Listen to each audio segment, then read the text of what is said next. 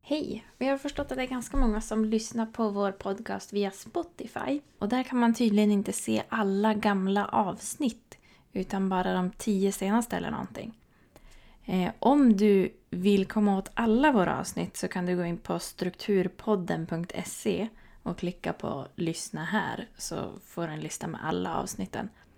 Eller om du använder någon annan podcast-app. Jag använder en som heter Podcast Addict. Eh, det finns, om man har en iPhone så finns det en app som heter Podcast tror jag. Eh, så du kan testa någon annan app, det finns massa olika. Eh, eller gå in på vår hemsida. Men för er som inte orkar med allt det där och leta reda på gamla avsnitt så tänkte vi att vi skickar in ett bonusavsnitt här. Eller ett reprisavsnitt. Eh, så det här är ett avsnitt som publicerades för ett år sedan ungefär och handlar om hur du kan få jultiden att vara mer vilsam. Vi släpper det nu lite i förväg så att du kan börja jobba med julen redan nu så att det inte blir en massa stress i sista minuten. Vi tror att det här kan vara bra hjälp för att komma ihåg att jultiden ska ju vara trevlig, lugn, härlig. Så varsågod och lyssna på vårt gamla avsnitt.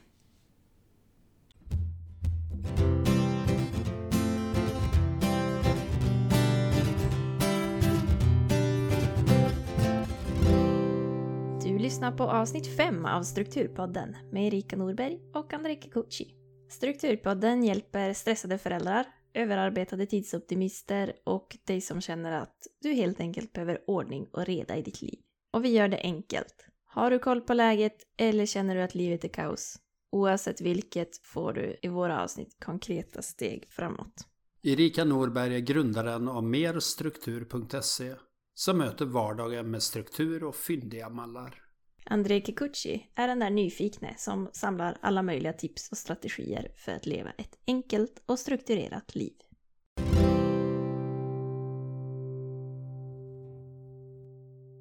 André, hur är läget? Jo, jag har haft sån här förkylningsperiod som har satt sig i halsen. Och den har varit ett tag nu och kommer och går. Och när man tycker man är frisk så verkar det gå ett varv till. Men eh, annars är det ju ganska bra faktiskt. Mm, vi ville spela in lite av eh, när du ringde upp när vi skulle ha spelat in det här avsnittet och eh, sa Mm. att du inte hade någon röst. Men Mm. eh, du är tillbaka. Ja, det känns bra. Det känns lite sådär svenskt att klaga på en förkylning i ett globalt perspektiv. Så Lite sådär ilandsproblem. Ja, i förra avsnittet pratade vi om nyårslöften. Så vi hoppas att eh, ni har satt upp lite löften och så. Och jag satte ju upp eh, månadslöftet att nu innan december är slut så skulle jag gå igenom mina böcker och sortera dem. Och vi pratade om att det kanske inte måste vara ett nyårslöfte, man måste inte vänta till nyår för att sätta upp ett mål, utan man kan eh, sätta ett mål lite när som helst. Och så fick du, André, i läxa att fundera på om du har något månadslöfte eller 16 Mm. december-löfte. ja, jag kom ju inte på någonting just då. Något klockrent klokt. Men det jag märkt nu, särskilt i en förkylningsperiod, det är nog att jag skulle behöva faktiskt ta tag i en organiserad eh, träning på något sätt. Så att eh, det tänkte jag göra, inte som nyårslöfte då. Det är onödigt att vänta så länge. Utan se om jag kan få en strukturerad veckorutin på någon form av träning. Det låter ju som en jättebra idé. Ja, och hur går det då Erika med dina böcker? Mm, spanna in här bak. Det har hänt någonting i alla fall. Det har det gjort. Nu ser ju inte de lyssnarna skillnaden. Kanske Nej. vi ska säga, men det kanske kommer ut en bild. Kanske om vi har tur. Jag kanske ska gå igenom någon fler gånger. Det är ju svårt att ta en bild på ett före i alla fall. Nu när du redan har gjort det. Men du kanske har Ja, en jag, bild. jag har tagit en, en bild på nästan före. Jag började komma igång och sen, nej just det, jag skulle ta en bild. Eh, Men eh, vi har rensat ut en del böcker nu i alla fall. Och eh, jag har börjat sortera dem efter färg bara. Oj, oj, oj. Inte efter kategori än så länge. Men... Har du haft färg tidigare i ditt liv? Eller en ny, ny grej för dig? Färgsortering på böcker eller? Ja, precis. Ja, jag har gjort det någon gång men eh, det är ganska nytt fortfarande. Jag har haft det på mina permar länge, de kanske skymtar här i bakgrunden också. Mm, det är väldigt snyggt faktiskt. Mm. Grönt, gult, rött, eh, mörkrött. Ja, men det ser Mm. strukturerat ut faktiskt. Det må jag säga. Mm. Och böckerna, men det, det är snyggt. Det ser, en vit rad ser jag och en liten gul-röd rad ser jag. Mm.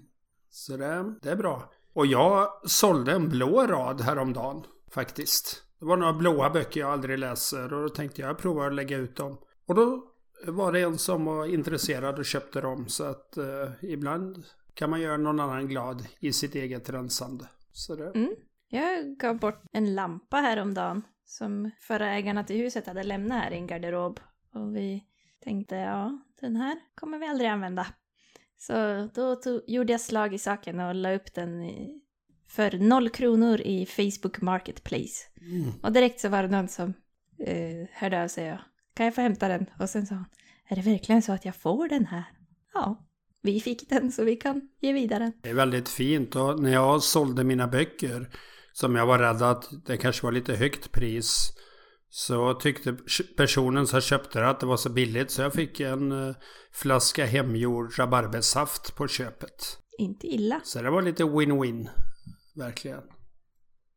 Ja, har du haft några andra positiva effekter av eh, de senaste avsnitten? Något Ja, mer vi ska säga? det hände en grej på jobbet häromdagen. Jag är ju, de som har följt podden här under hösten vet ju att jag är ganska ny här på min arbetsplats. Och då var det vid ett tillfälle jag behövde låna ut mitt kontor.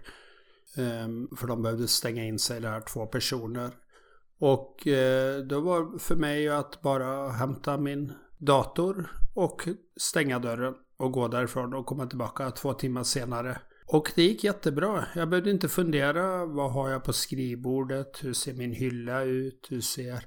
eh, Jag har två fåtöljer. Hur ser det ut där? Där de här personerna skulle sitta och prata. Och det var, kändes så bra att ha struktur när man inte hade planerat för det riktigt. Mm. Så det, är- det är en stor skillnad. En del kanske minns att jag berättade i något av de första avsnitten att jag för om det ringde på dörren så kanske jag inte ens vågade öppna dörren eftersom jag hade så stökigt.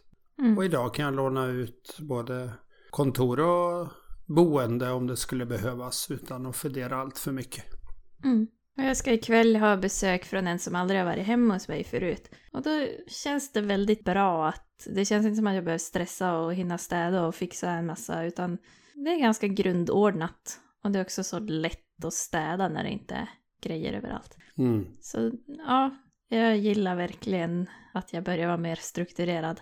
Det är ju lite det vi ska prata om idag. Att det här kunna vila, kunna slappna av, kunna koppla ifrån och känna sig ledig på ganska kort varsel. Att kunna släppa saker och inte vara, Mm. oroa sig. Det det är lite dagens ämne måste vi säga. Precis, och, många ska väl vara kanske lite extra lediga vid jul. Det är ju om inte annat flera röda dagar och helger och sådär. Och då är frågan, kan man vila? Kan man verkligen stänga av och vara helt ledig då eller? Hur gör man det i så fall? Mm. Hur återhämtar man sig? Är det möjligt i begreppet jul? Ja, för en del kan ju julen bara vara stress, eller det är det man tänker på mest. Men tanken är väl att det ska vara återhämtning på något vis. Mm. Jag var med om en liten udda upplevelse här under hösten som fick mig att få lite perspektiv. Det var att min eh, mobiltelefon plötsligt la av. Jag kunde inte ladda den. Att när sista procent av batteriet var över då, då gick det inte att ladda den. Och så kände jag till en person som hade en liten firma som skulle titta på den. Och då tog det, och det visste jag ju inte när jag lämnade in den, men det tog eh, fem dagar innan jag fick tillbaka den. Och däremellan levde jag helt utan mobiltelefon.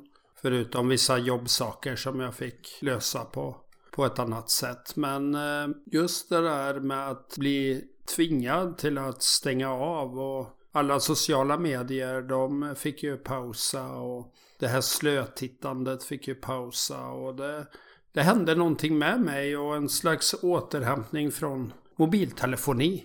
Ja, Det är något som jag tror att många är ganska fast i nu. Att eh, det är självklart att man har mobilen jämt. Mm. Och det blir ju en helt annan sak. Även om både du och jag har väl levt liv utan mobiltelefon. Ja. Så var det ju ett bra tag sedan man behövde leva så. Jag levde de första 18 åren av mitt liv utan mobil och det verkar ju gått ganska bra. Mm. Så Hyfsat. kanske klarar fem dagar ibland. Mm, Ja. Det tror jag. Och årets julklapp har väl de flesta koll på vid det här laget. Men det är ju faktiskt en mobillåda. Mm. Alltså en plats att lägga sin mobil i när man inte använder den. Ja. Och eh, när partiledaren Jan Björklund avtackades så av Jonas Sjöstedt så fick han en mobil och paddlåda. Mm. Och det är symboliskt för- ett hektiskt liv och kunna finna vila efteråt. Mm. Så den julklappen tror jag ju på i allra högsta grad till skillnad från många andra av årets julklappar som har kommit genom åren. Ja, Jag la upp ett blogginlägg ganska nyligt på merstruktur.se om tips för mobilvanor och då kommer till exempel det här med att det finns appar på mobilen som kan kolla hur mycket man använder mobilen och vilka appar det är man använder. Mm. Och jag tänker att det kan vara ganska nyttigt att titta på ibland. Om man känner att ja, men jag får aldrig någonting gjort och jag är alltid så stressad och så. Ja, men har man lagt åtta timmar på sociala medier på en vecka då är det ju inte så konstigt att man känner att man inte hinner med. För att då hade man ju kunnat ha en hel arbetsdag till att göra någonting vettigt på. Mm. jag tror att det kan vara värt att fundera på i alla fall. Precis, och min telefon eh, just på sociala medier på Facebook så säger den till när jag har använt den en timme på en dag. Och det ger en liten varningssignal att oj, har det redan gått en timme? Kanske slösurfa eller något. Och det, då vet jag det. Fortsätter jag så här så är det ju som du säger åtta timmar på en vecka. Och då det är mycket onödig tid som kanske går förlorad om jag nu känner att jag inte får ihop tiden. Är det inget problem så gör det ju inget. Nej, precis. Vill man vara på sociala medier, känner man att man har tid till det och att man får ut mycket av det, ja men gör det. Mm. Och jag har hört en del som, som schemalägger och ja men det här är min Facebook-timme eller det här är min Facebook-kvart eller vad man sa. Så Mm. att man känner att ja men jag har tid och jag får göra det. Då är det Mm. helt okej. Jag behöver inte skämmas för det utan det, det här är min tid med det. Och då är det både begränsat och tillåtet. Så det kan ju vara ett tips. Och det är också ett ämne vi, vi pratar lite om i, idag. Det här med att om du har en familj eller väldigt mycket kanske nära vänner som du umgås mycket med. Då kan ju de hjälpa dig att begränsa ett arbete till exempel. Eller Mm. eh, sina uppgifter. Så att du måste bli strukturerad. För annars säger familjen ifrån. Men om du inte har en familj eller om du inte har så mycket nära vänner som du umgås med veckovis eller dagligen. Då är det ju risk att du säger ja men jag kan lika gärna jobba. Eller jag Mm. kan lika gärna sitta framför sociala medier och i flera timmar. Det spelar ingen roll. Och så kanske du ändå känner dig stressad över saker. Mm. Det är ett vä- väldigt viktigt ämne idag som jag tycker vi stöter på här och där. Och det jag tänker där är att visst kan det vara okej en period att, att jobba lite mer om man känner att det är det man vill lägga sin tid på. Men jag tror också att det är bra att träna kroppen i att göra annat och också komma på, ja men vad är det jag vill göra när jag är ledig? Hur är man ledig egentligen? Det frågar jag mig själv ibland. Jaha, eh, vad gör jag nu när jag, när jag ska vara ledig? Nu har jag bestämt jag ska vara ledig, hur gör man det? Mm. Eh, Men det kanske vi kommer in på lite mer om en stund. Men Mm. man kan också fundera på det här beteendet av att jobba hela tiden om man har det. Kommer det hålla i längden? Mm. Är det så att det funkar att hålla på så här länge? Om det inte gör det, då kanske man borde tänka på att i alla fall ha ett slutdatum på den mängden jobb eller den mängden fullbokad tid. För det handlar väldigt sällan om bara en sak. Om du känner dig själv rätt så, så vet du det att ja, men, efter den här saken så kommer det en ny sak som jag kommer gå in för 100% och efter det kommer en ny. Och det går det att eh, strukturera upp alla dessa saker. Om du är en person som vill få mycket gjort och tycker om att göra mycket. Men som du säger Erika, håller dig i längden. Och gör det inte det, gör något åt det nu. Mm. Ja, jag sa så sent som idag att eh, ja, men det var en som ville boka in ett möte med mig någon gång nu i slutet av året. Och jag sa att ja, jag skulle vilja ha det här mötet, men det är också så att det här är en ganska stressig period för mig, så även om det finns plats i kalendern egentligen så vet jag att jag behöver ganska mycket återhämtningstid för att den här perioden ska funka bra. Mm. Så att jag, jag bad att få fundera lite extra länge på om och när det där skulle bli i så fall. För jag tror att jag behöver det. Jag behöver sätta ganska tydliga gränser och se till att jag får återhämtning. För jag är ganska, ganska bra annars på att eh, fylla mitt schema. Och jag har gjort en liten resa där från att säga ja till allt till att lite mer reflektera över Ska jag säga ja till det här och vad innebär det för Mm. mig i tid och engagemang och i andra engagemang jag har. Det Mm. var inte kon- ehm, när jag var liten så hände det flera gånger att jag bokade in flera saker samtidigt och hoppade emellan. Och, ja, det går till en punkt och sen håller inte det och då blir det kanske inget gjort och det, det är inte heller så bra. Nej. Lite vem vill du vara eh, inför andra? Är du en person som håller där du har lovat, där du har tagit på dig? Levererar du i, inom den uppsatta tiden eller vet man inte riktigt eh, med dig om du får det gjort och det kanske bollar tillbaka till en annan som får jättemycket för att inte du har kunnat hålla det du lovar. Mm. Så det, det är jätteviktigt i, i strukturen att vara ärlig både mot sig själv och mot andra och kunna säga jag har inte möjlighet nu. Hur roligt Mm. än må vara. Mm. Och jag uppskattar jättemycket och jag tror väl att andra också gör det, att folk säger nej. Istället för att säga ja och sen inte kunna göra det. Då, då vill jag hellre ha ett nej på en gång. Eller ett jag vill fundera på det och sen kanske ett nej. Det inte blir att man säger ja till allt och så blir det halvgjort eller inte gjort. Ibland eh, är personer, eller vi vill vara så väldigt duktiga. Mm. Det är väl den främsta utmaningen och, och där kanske sociala medier kan bli ibland en liten fälla att vi vill visa upp vår duktighet. Men man ser väldigt sällan hur mår jag egentligen. Mm. Är, är det okej att säga i dagens samhälle, jag har inte möjlighet, jag vill inte, eller jag orkar inte, eller ta på mig det här så går jag under. Mm. Finns det plats för det, det tankesättet? Mm. Jag läste någon bok där författaren då kommenterade det här konceptet med att man säger bra jobbat hela tiden. Att det är Mm. bra om man har jobbat och producerat någonting. Mm. Eh, men om, om det är att man har vilat, då är det det är du värd. Ja. Att, ja, men man måste som jobba för att få förtjäna vila och återhämtning. Men det är bra jobbat. Jag skulle vilja att man säger bra vilat också. Att Mm. Ja, men du är en förebild om du vilar, för det är ofta det som är det svåra att göra. Mm. Så försöker jag tänka. Och jag hade någon kollega som sa till mig när jag hade ja, men, jobbat med att, att rätta saker på helgen. Och då sa ja men du är så duktig som gör det på helgen. Och bara, nej, jag känner att det är ett misslyckande om jag måste jobba på helgen. Då har Mm. jag planerat dåligt. Att man är en förebild om man vilar på helgen. Mm. Inte om man jobbar över. Så jag har försökt vända på det där i alla fall. Och sen det här begreppet som du sa, det är du värd. Och det, det ser man ofta i sociala medier och jag har nog kanske sagt det till någon med. Men jag har allt mer börjat undvika det för att vem är jag att säga att någon är värd en resa till Kanarieöarna? Eh, någon annan som inte gör det, är den då inte värd det? Mm. Skulle man kunna säga, vad bra att du åker iväg. Oavsett Mm. du är värd eller inte, för det är inte det det handlar om.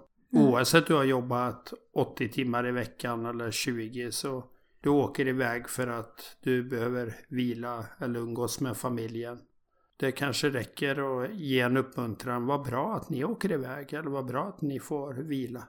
Utan Mm. att koppla det till att de måste ha gjort massa saker för Mm, precis, det är något som, som alla behöver. Så det är ju bara dumt att koppla det till att man ska förtjäna det. Jag tror att jag är ju en stark förespråkare för att planera in sånt som hör ihop med den person jag vill bli i kalendern först.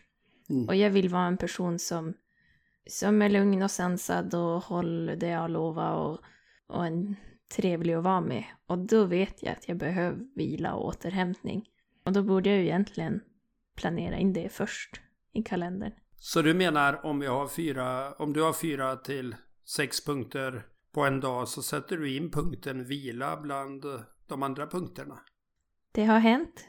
Det händer kanske inte så ofta som eh, det borde, men eh, någon gång. Vila eller ta ett bad eller slöa skriver jag ofta på min helglista om jag gör en, en lista för helgen. Att jag ska göra någonting som är att bara slöa. Det är huvudprioritet den här helgen. Och en del skulle nog eh, ha svårt att skriva det i sin kalender. Mm. Jag hörde om en som skrev ett eh, namn på en person. Till exempel ska jag träffa Eva. Och så var det någon som undrade, vem är den där Eva du träffar? Och då sa personen, det är, det är min egen tid. Det fanns mm. ingen Eva, men uh, kunde inte skriva egen tid. Så skrev jag ett namn. Mm. Så det kan ju vara ett sätt, men det kanske är bra att kunna skriva slöa också. Och särskilt om mm. du är chef eller arbetsledare, då signalerar du någonting till dina medarbetare att det är okej okay att ta vila, att det är okej okay att slöa också.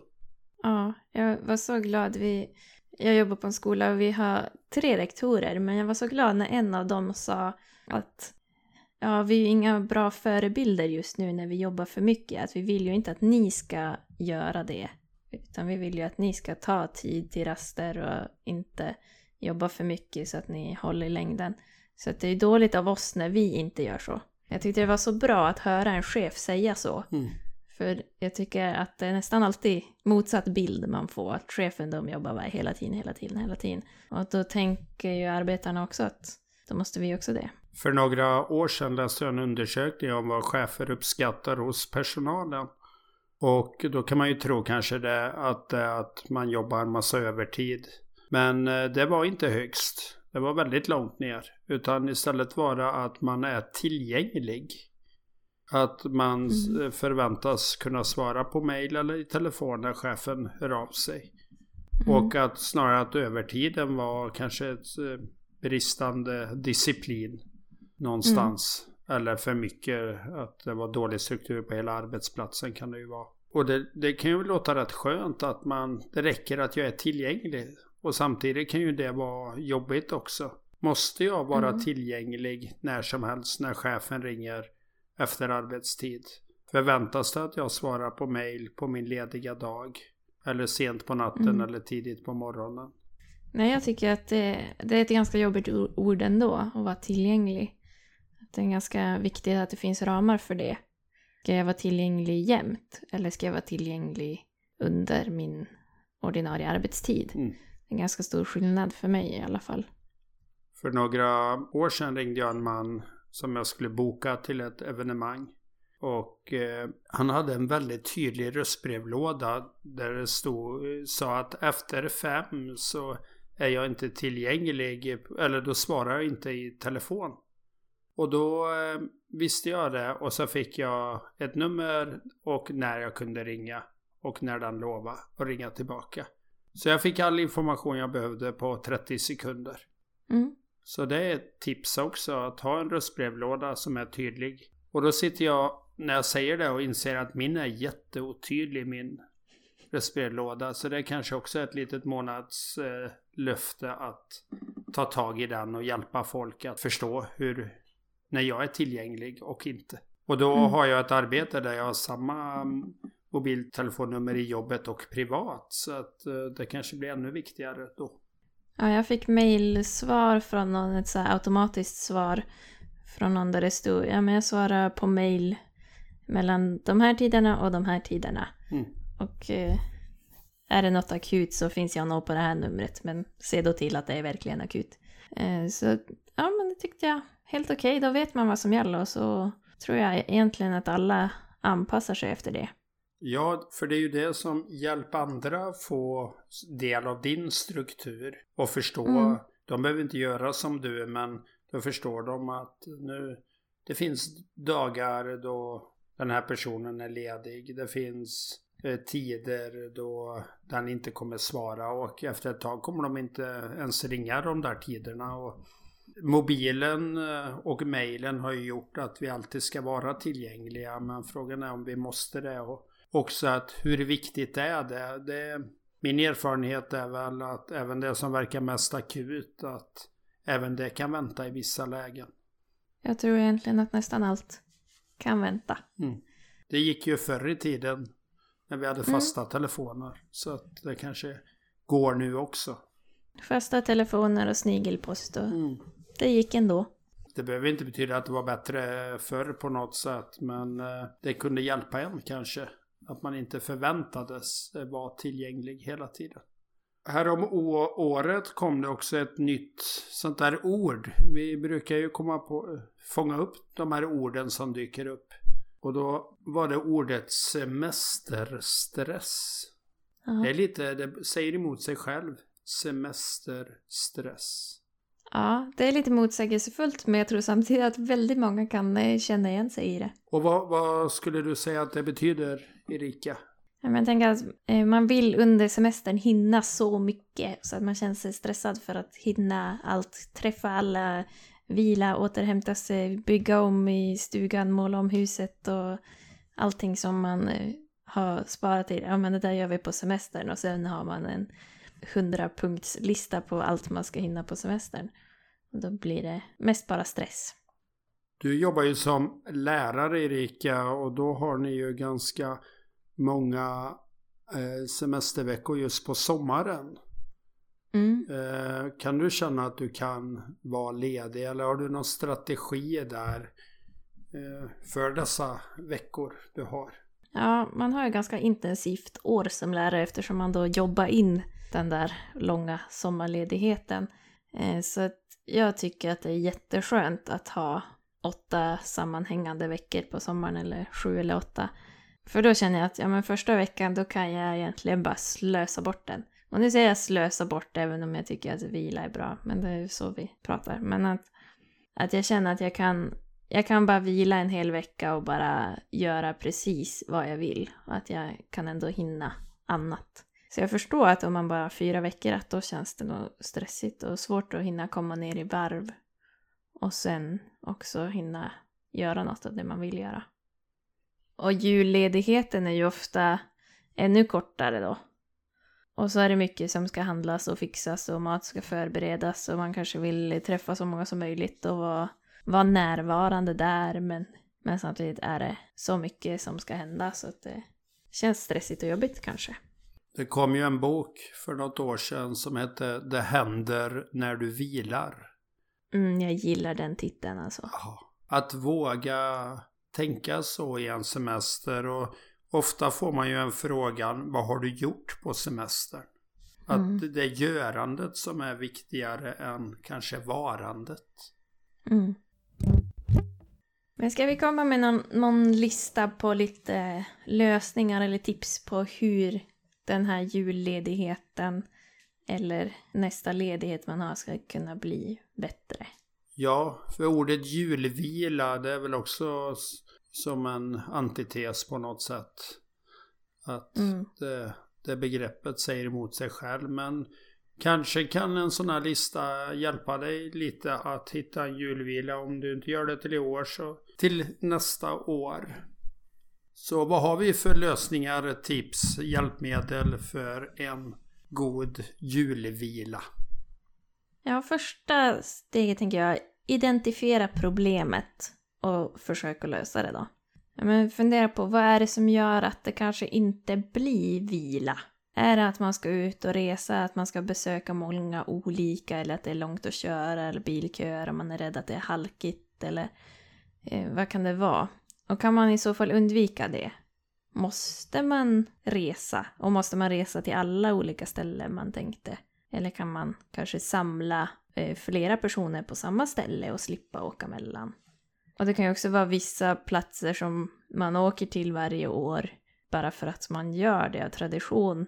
Men det kanske egentligen bara är stressande att vara där. Om man då identifierar att det är det här som, som känns stressigt, kan jag ta bort det då?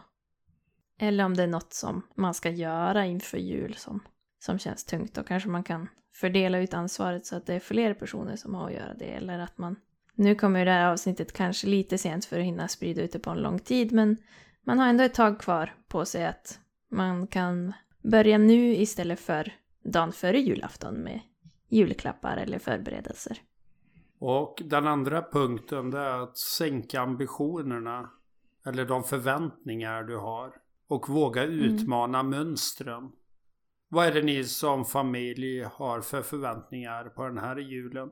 Vad är jul för dig? När ni har identifierat det, går det då att skala bort det som inte kom med på listan? Det finns en rolig liten berättelse, vandringssägen, om en julskinka. Att dottern såg sin mor skära bort kanterna på julskinkan innan den griljerades i ugnen. Och när dottern själv blev mamma så visade ju hon sina barn eh, hur man griljerar skinka genom att då innan den sattes in i ugnen skära bort kanterna. Och då frågade ju något av barnen till slut, men varför skär du bort kanterna? Och då säger ju mamman då, men det har jag alltid gjort, men vi vill ändå ta reda på varför. Och får då intervjua den som tidigare har gjort det, sin mamma, som säger Ja men det året ska jag ju bort kanterna för att julskinkan skulle få plats i formen. Och sen fortsatte det i generation efter generation. Ja, man fastnar i någon tradition och vet inte riktigt varför man gör så. Man bara har alltid gjort det. Men, men man kanske kan utmana de mönstren lite och Ja. ändra på vilka förväntningar man har. Till bara det som behövs. Nu har väl de flesta julpyntat kanske, men fundera på om det är 100 tomtar du sätter upp. Vad händer om du sätter upp 90 i år? Blir det julafton ändå? Ja, man kanske inte behöver ställa upp det som man inte tycker om eller det som... Nej. Ja, Eller det som förväntas av andra. Det, man kanske kan utmana mönster och säga vi i år julpyntar vi på ett annat sätt. Eller inte alls kanske. Vad, vad händer i dig i det tankemönstret? mm. Punkt tre, Erika. ja.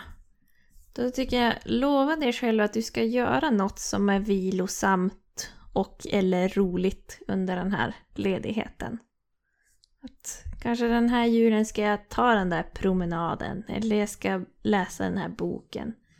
Men gör något som du vill och som är att vila för dig.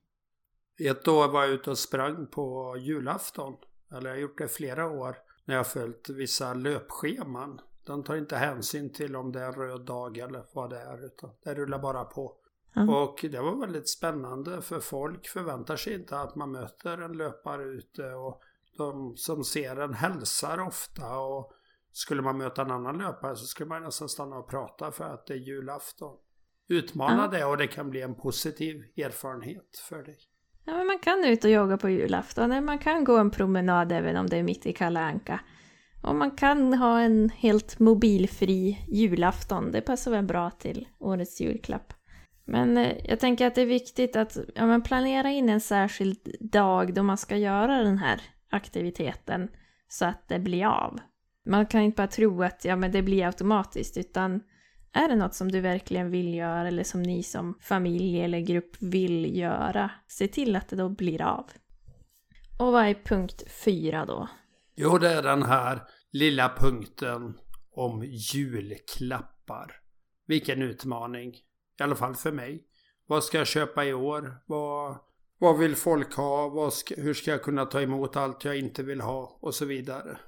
Och då Mm. Har vi några punkter under den här punkt 4 om julklappar som vi vill dela med oss till er. Och eh, Mm.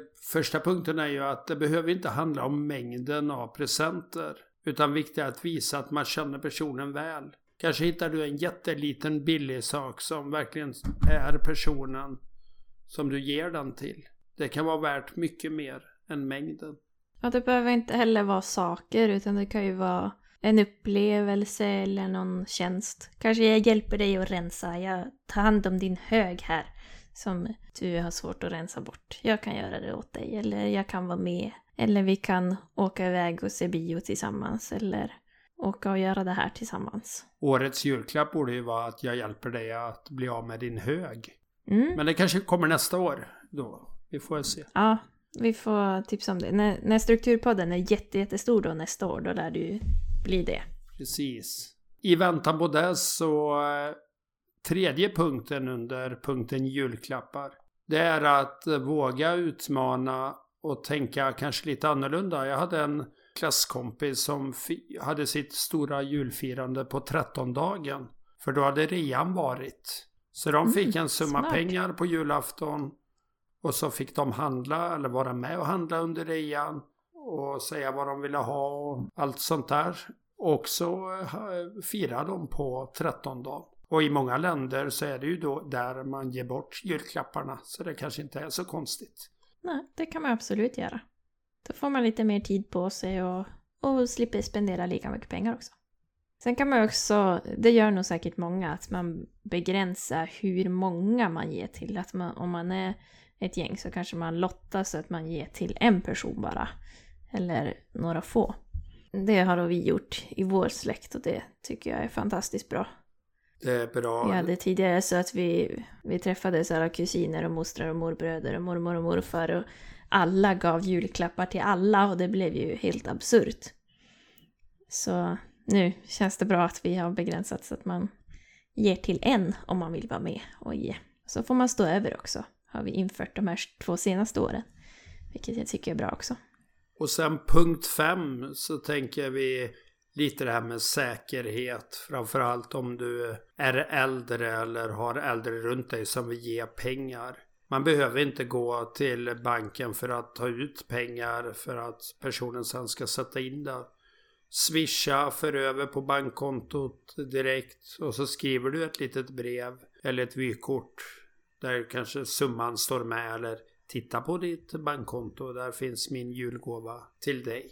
Mm. Gör det, och det enkelt. sparar ju tid också. Mycket. Sen kan man också återbruka. Mm. Att, eh, ja men har du nu rensat och insett att eh, det här använder inte jag, men den här personen skulle säkert tycka om det. Eller den här boken borde de läsa som jag har läst. Ge vidare då. Precis. Och i det så finns det ju en sån här liten bra ha-låda att när du har rensat grejer under året så kanske du har en bortskänkeslåda. Mm. Och då kan du ju hitta julklappar där i till andra. Vi ja, håller på precis. att fylla en nu eller tömma den nu här inför jul med lite olika leksaker och annat vi har eh, tagit bort under året. Och då ligger de där och så tänker vi till, till vem skulle det här passa? Då sparar vi mm. tid på att inte gå iväg och köpa eller att åka iväg till återvinningen med det och vi glädjer någon annan. Perfekt. Och sen är det ju okej, som vi pratade om i rensavsnittet, att man får göra sig av med det man har fått i present också. Man kan ge det vidare eller donera det eller sälja det eller vad som helst. Är det inte någonting som du kommer att använda så är det okej att skicka vidare. Det kanske känns dumt att be om kvittot direkt och säga nej, det blir inget. Men i vissa fall kanske man kan göra det också. Det är ju en konst att eh, visa tacksamhet att personen som har gett dig, mot personen som har gett dig något. Att du kan säga tack så mycket. Du behöver inte lova någonting. Eh, du behöver inte säga det här vill inte jag ha. Utan du kan bara i glädje ta emot. Och sen är det upp till dig vad du sen vill göra med det. Mm, precis. Och nu har vi pratat på länge. Men jag tänkte att jag kan länka lite till ett blogginlägg om med lite tips på vad man kan göra för att känna sig ledig. Mm. Så jag har skrivit lite om det. Så att man kan få lite tips om man känner att det är svårt. Man brukar aldrig vara ledig så man vet inte hur man gör. Då kan man få lite tips där också. Men har vi någon bra, bättre, bäst? Ja, utifrån det här med vila som temat handlar om så tänker jag att en bra, bättre, bäst skulle kunna vara no någonting i stil med det här. Det är bra att ha några dagar då du inte jobbar. Det får du ju under jul av din arbetsgivare. Det som är bättre är mm. om du planerar in eller lovar dig själv att du ska göra en viss sak som är rolig eller vilosam någon av de här dagarna. Och det bästa är att göra detta och sen komma tillbaka till jobbet och känna sig utvilad. Och vi vill jättegärna höra att ni har gjort det här och skriv gärna till oss då och säg det här gjorde jag och så här kändes det. Eller om ni har utmanat normen på något vis eller gjort något som var väldigt vilosamt eller bara vilat bra så skryt om det för oss på hejsnabelastrukturpodden.se. Har vi då någon veckans prova på, Erika? Ja, vi tänkte ge tre alternativ också. Så man får välja en av de här då. Vi hindrar ju inte att någon eh, väljer fler, men, men vårt förslag är att välja en då. Eh, alternativ ett är att utmana normen på något vis. Måste du göra som du alltid har gjort eller som alla förväntar sig att man gör? Eller går det att utmana på något sätt? Kan man ändra på någonting? För en del kanske inte att eh, festa jättemycket på annandagen eller kanske inte göra en viss resa som känns tung att göra eller inte hälsa på 20 olika personer eller inte baka 50 sorters kakor där det kanske räcker med fem. Man kanske kan begränsa hur mycket man äter på jul, att man kanske inte behöver vara äckligt proppmätt efter varje måltid på jul. Kanske kan ta lite mindre och äta lite långsammare och, och njuta av samtalen istället. Man kanske kan göra en lista på alla sådana här saker som man känner att man måste eller borde och sen stryka en sak. Eller stryka 10%. Så på något sätt utmana normen, utmana det vanliga, göra något annorlunda eller ta bort någonting. Och alternativ två, André? Det är att fråga alla i ditt hushåll, vad är jul för dig? Och då skriva ner det här och sen prioritera den listan den här julen. Och eh, mm. ta bort mycket av det andra eller våga tänka att du ska ta bort det. Mm, jag hörde en som gjorde det här nu var och återhämtade sig efter utmattning och ja, men då hörde hon ju att ja men de här vill ha de här sakerna, det hade jag aldrig tänkt på att det var det viktigaste. Men ja men då gör vi de sakerna och så stryker vi allt annat som inte är ett måste. Och sen alternativ tre då är att planera in någon vilosam aktivitet på jul eller under ledigheten. Alltså vi löser ju inte alla världens problem genom eh, de här tipsen men vi har hunnit med många viktiga saker i detta avsnitt som eh, vi tänkte summera lite. För det har varit en ganska, ganska långt avsnitt eh, med olika tankar. Mm. Ja, det är nog ett ämne som jag känner att, att det här är anledningen till att mer struktur.se finns. Att vila är viktigt. Eh, men eh, om vi ska sammanfatta vår, vår lista med lösningar då. Punkt 1. Att identifiera problemet och försök lösa det. Punkt 2 är att sänka ambitionerna eller förväntningarna. Att våga utmana mönstren du har levt efter i många år. Punkt 3. Lova dig själv att göra något som är vilosamt och roligt under ledigheten. Punkt fyra är att reflektera över det här med julklappar. Vad är det att ge och ta emot? Att det kanske inte handlar om mängden. Det kanske kan vara att ge en upplevelse eller en tjänst. Att eh, du kanske kan fira jul efter jul när du utnyttjat rean. Eller lite lugnare. Att mm. du kanske kan begränsa och att man lottar eh, vem man ger julklapp till och folk tycker det kanske är helt okej. Okay. Och det här att spring inte till banken och ta ut massa pengar som den andra sen ska sätta in utan swish, swisha eller för över på bankkonto om det är en ekonomisk gåva. Och det trendigaste just nu och väldigt viktigt. Se vad du kan återbruka. Titta i din bortskänkelåda.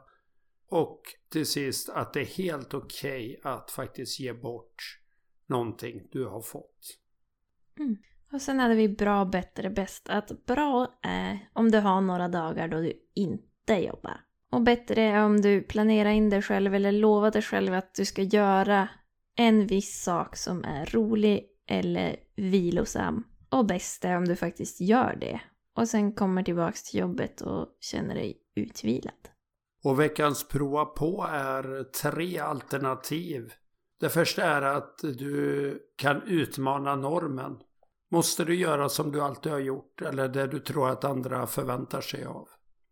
Fråga i hushållet, vad är jul för dig? Skriv ner och prioritera den listan den här julen. Och planera in en vilosam aktivitet och utför den.